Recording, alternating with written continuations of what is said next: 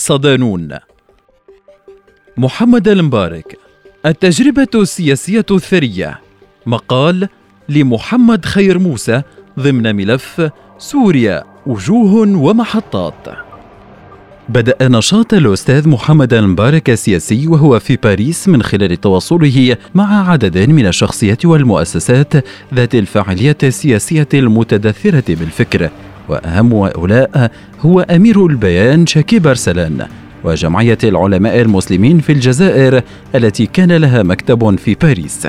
ومن المعلوم أن شكيب أرسلان كان فاعلا أساسيا في القضايا العربية في باريس من خلال تأسيس جمعيات الطلاب المختلفة والسعي إلى توحيدها ضمن جمعية تضم طلاب العرب وإصدار العديد من الصحف باللغتين العربية والفرنسية لمناصرة القضايا العربية المختلفة في تلك الفترة. فقد شارك شكيب أرسلان في تأسيس المؤتمر السوري الفلسطيني في أبريل 1921 بجنيف وانتخب أمينا عاما له كما أنه أسس مكتب إعلام البلدان الإسلامية في جنيف أيضا عام 1928 وقد غدا هذا المكتب قبلة زعماء الحركات الوطنية والسياسية والتحررية العربية في الثلاثينات من القرن الماضي.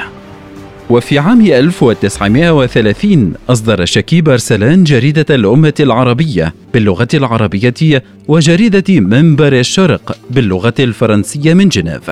كما أن صلته الوثيقة مع جمعية العلماء المسلمين كانت صلة دعوية ظاهرة لكن الجمعية كانت من أهم الفاعلين السياسيين في ثورة الشعب الجزائري فكان تواصل الأستاذ محمد المبارك معها تواصلا دعويا سياسيا في الآن نفسه.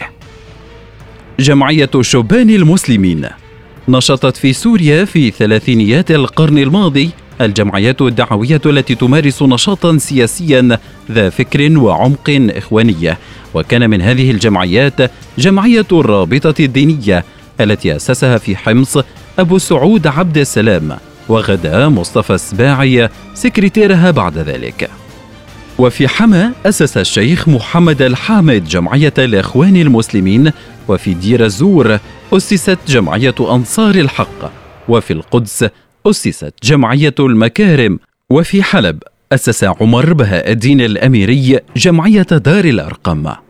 فور عودة الأستاذ محمد المبارك من باريس عام 1938 أسس مع مجموعة من الإسلاميين جمعية شبان المسلمين في دمشق وكان رئيسها. وكانت جمعية شبان المسلمين في دمشق من أنشط الجمعيات الدعوية. وكان أمينها العام بشير العوف الذي يعد رائد الصحافة الإسلامية في سوريا. كانت هذه الجمعيات على اختلاف أسمائها. تشكل في الوعي الشعبي العام جماعة واحدة وقد عقدت أربعة مؤتمرات ما بين 1937 ميلادية و 1944 وكان يطلق على مجموعها فيما بينها ابتداء ثم في عموم المجتمع السوري اسم شباب محمد. في جماعة الإخوان المسلمين عام 1945 عقدت الجمعيات المنضوية تحت اسم شباب محمد مؤتمرها الخامس في دمشق وفيه اتخذ قرار بدمج جميع هذه المنظمات في بنية هيكلية وتنظيمية واحدة وتغيير اسمها من شباب محمد إلى جماعة الإخوان المسلمين. وكان الأستاذ محمد المبارك أحد أبرز المؤسسين لهذه الجماعة وفي هذا المؤتمر تم انتخاب الدكتور مصطفى السباعي مراقبا عاما للجماعة وتقرر انتقاله للعيش في دمشق بدلا عن حمص ليمارس مهامه في قيادة الجماعة. وخلال عمل السباع مراقبا عاما للجماعة كان الأستاذ المبارك وزيره وساعده الأيمن ومستشاره للشؤون السياسية والتنظيمية. ولا يمكن فهم الأسس والتوجهات والمنطلقات الفكرية لجماعة الإخوان المسلمين في سوريا في تلك الفترة على وجه الخصوص وفي عموم مراحلها عقب ذلك إلا من خلال الأستاذ محمد المبارك. الذي يعد من أبرز وأهم من صاغوا الرؤى الفكرية التي تنبثق منها المواقف السياسية للجماعة. إلى البرلمان والوزارة. بعد أقل من عامين على ظهورها قررت جماعة الإخوان المسلمين خوض الانتخابات البرلمانية في سوريا. ففي عام 1947 استقال الأستاذ محمد المبارك من وظائفه الحكومية ليكون أبرز المرشحين الأربعة الذين أعلنتهم الجماعة مرشحين لها إلى البرلمان وهم الأستاذ محمد المبارك عن مدينة دمشق والأستاذ معروف الدوالبي عن حلب والشيخ محمود الشقفة عن حما والشيخ القاضي أنيس الملوحي عن حمص ففاز الثلاثة عدا الملوحية. ويمكن القول إن الممثل الوحيد للإخوان في هذا البرلمان كان الأستاذ محمد المبارك فالدواليبي كان خارج البنية التنظيمية للإخوان وإن كان على علاقة طيبة معهما. والشيخ الشقفة غلب عليها الطابع الدعوي على العمل السياسي. كان الأستاذ المبارك يتحمل بمفرده أعباء كتلة برلمانية كاملة تواجه الكتل البرلمانية الأخرى ويقدم المشاريع والطروحات التي تضاهي مشاريعهم وطروحاتهم. واستمر المجلس في أعماله إلى أن تم حله إثر إطاحة انقلاب حسن الزعيم بالحكم. أعيد انتخاب الأستاذ محمد المبارك مجددا في الدورة البرلمانية التي أعقبت الإطاحة بانقلاب الزعيم ليشكل مع صاحبه ورفيق دربه مصطفى السباعي الجبهة الإسلامية التي كانت أشرس معاركها معركة الدستور الذي تم إقراره عام 1950 وخلاصة المعركة أن الصراع احتدم على أشده بين العلمانيين الذين كانوا يحاولون فرض رؤيتهم بالمطالبة بتحكيم القوانين الغربية الوضعية في البلاد وإقصاء الدين تماما عن الحكم والسياسة. وبين الجبهة الإسلامية التي نجحت في إقرار دستور للبلاد ينص على اعتبار الشريعه الإسلامية المصدر الرئيس للتشريع في سوريا وقد كان الأستاذ محمد المبارك من أهم وأبرز أركان هذه المعركة الذين خاضوها بجدارة فائقة. وخلال الفترة الممتدة ما بين عامي 1949 و 1950 شغل الأستاذ المبارك ثلاثة حقائب وزارية حيث كان وزيرا للأشغال العامة ثم وزيرا للمواصلات ثم وزيرا للزراعة. الانفصال عن الإخوان المسلمين.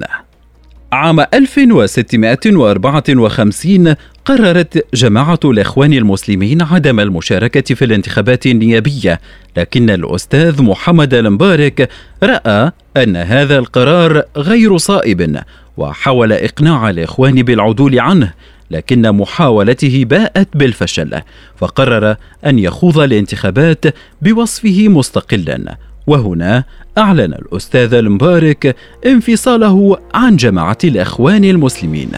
اللافت في الأمر أن هذا الانفصال عن الجماعة لم يؤثر على العلاقة بينه وبين الجماعة سواء من طرفه أم طرفهم.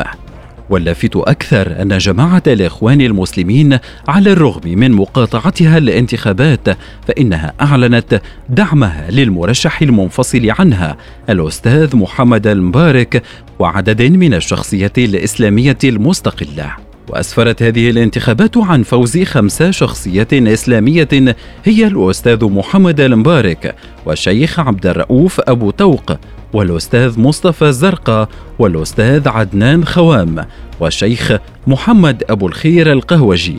وأطلق عليهم اسم الجبهة الإسلامية. وعما واجهه الأستاذ محمد المبارك في هذه الدورة الانتخابية من مشاق ومصاعب.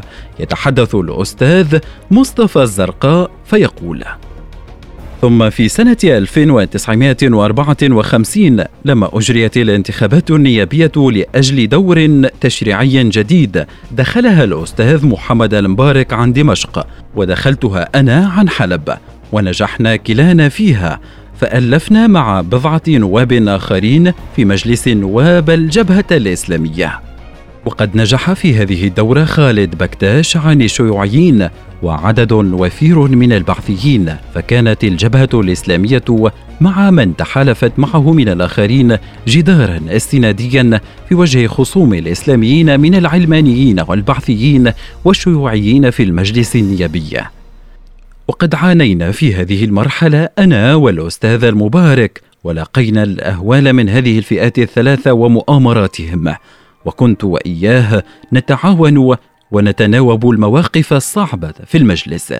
ثم انتهى هذا الدور التشريعي عام 1958 بالوحدة بين مصر وسوريا التي دامت ثلاث سنوات ثم فشلت وانفرطت. فقد عقدها العسكريون ونقضها العسكريون أنفسهم.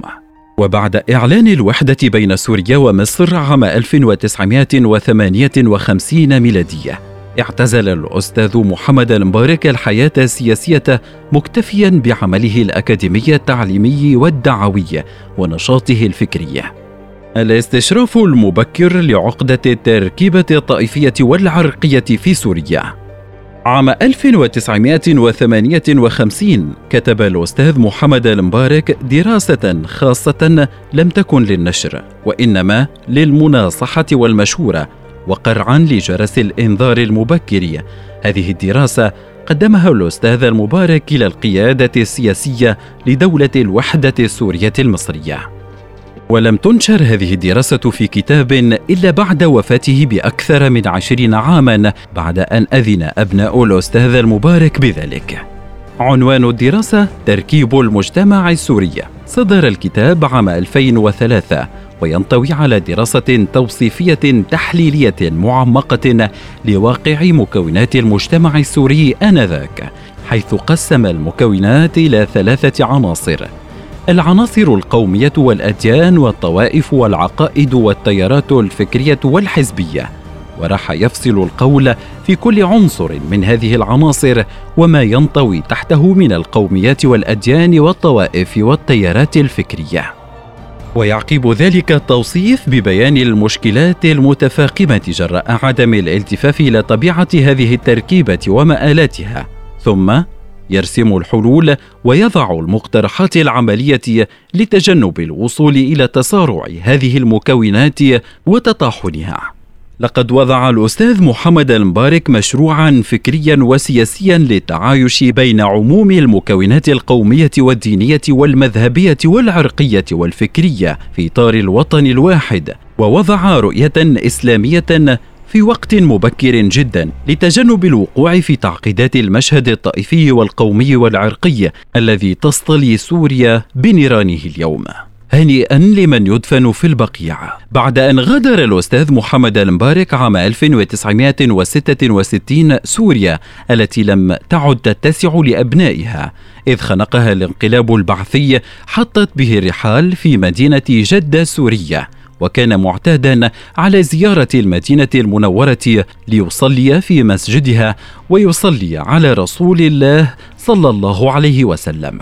وفي شهر ديسمبر كانون الأول عام 1981 ميلادية قضى الأستاذ محمد المبارك يومين في المدينة المنورة وبعد ظهيرة اليوم الثاني كان في السيارة متوجها لزيارة أحد أصحابه في المدينة وعند مروره من جانب مقبرة البقيع قال هنيئا لمن يدفن في البقيع هنيئا لمن يدفن في البقيع وبعد مقولته هذه بوقت يسير تداهمه أزمة قلبية حادة يغادر على إثرها الحياة الدنيا قبل وصوله إلى المستشفى وصلي عليه في مسجد قبة عقب صلاة الجمعة ليدفن في البقيع بمدينة رسول الله صلى الله عليه وسلم حيث كانت روحه تتمنى وتتشوق لذلك. وصلي عليه في مسجد قباء عقب صلاة الجمعة. ليدفن في البقيع بمدينة رسول الله صلى الله عليه وسلم حيث كانت روحه تتمنى وتتشوق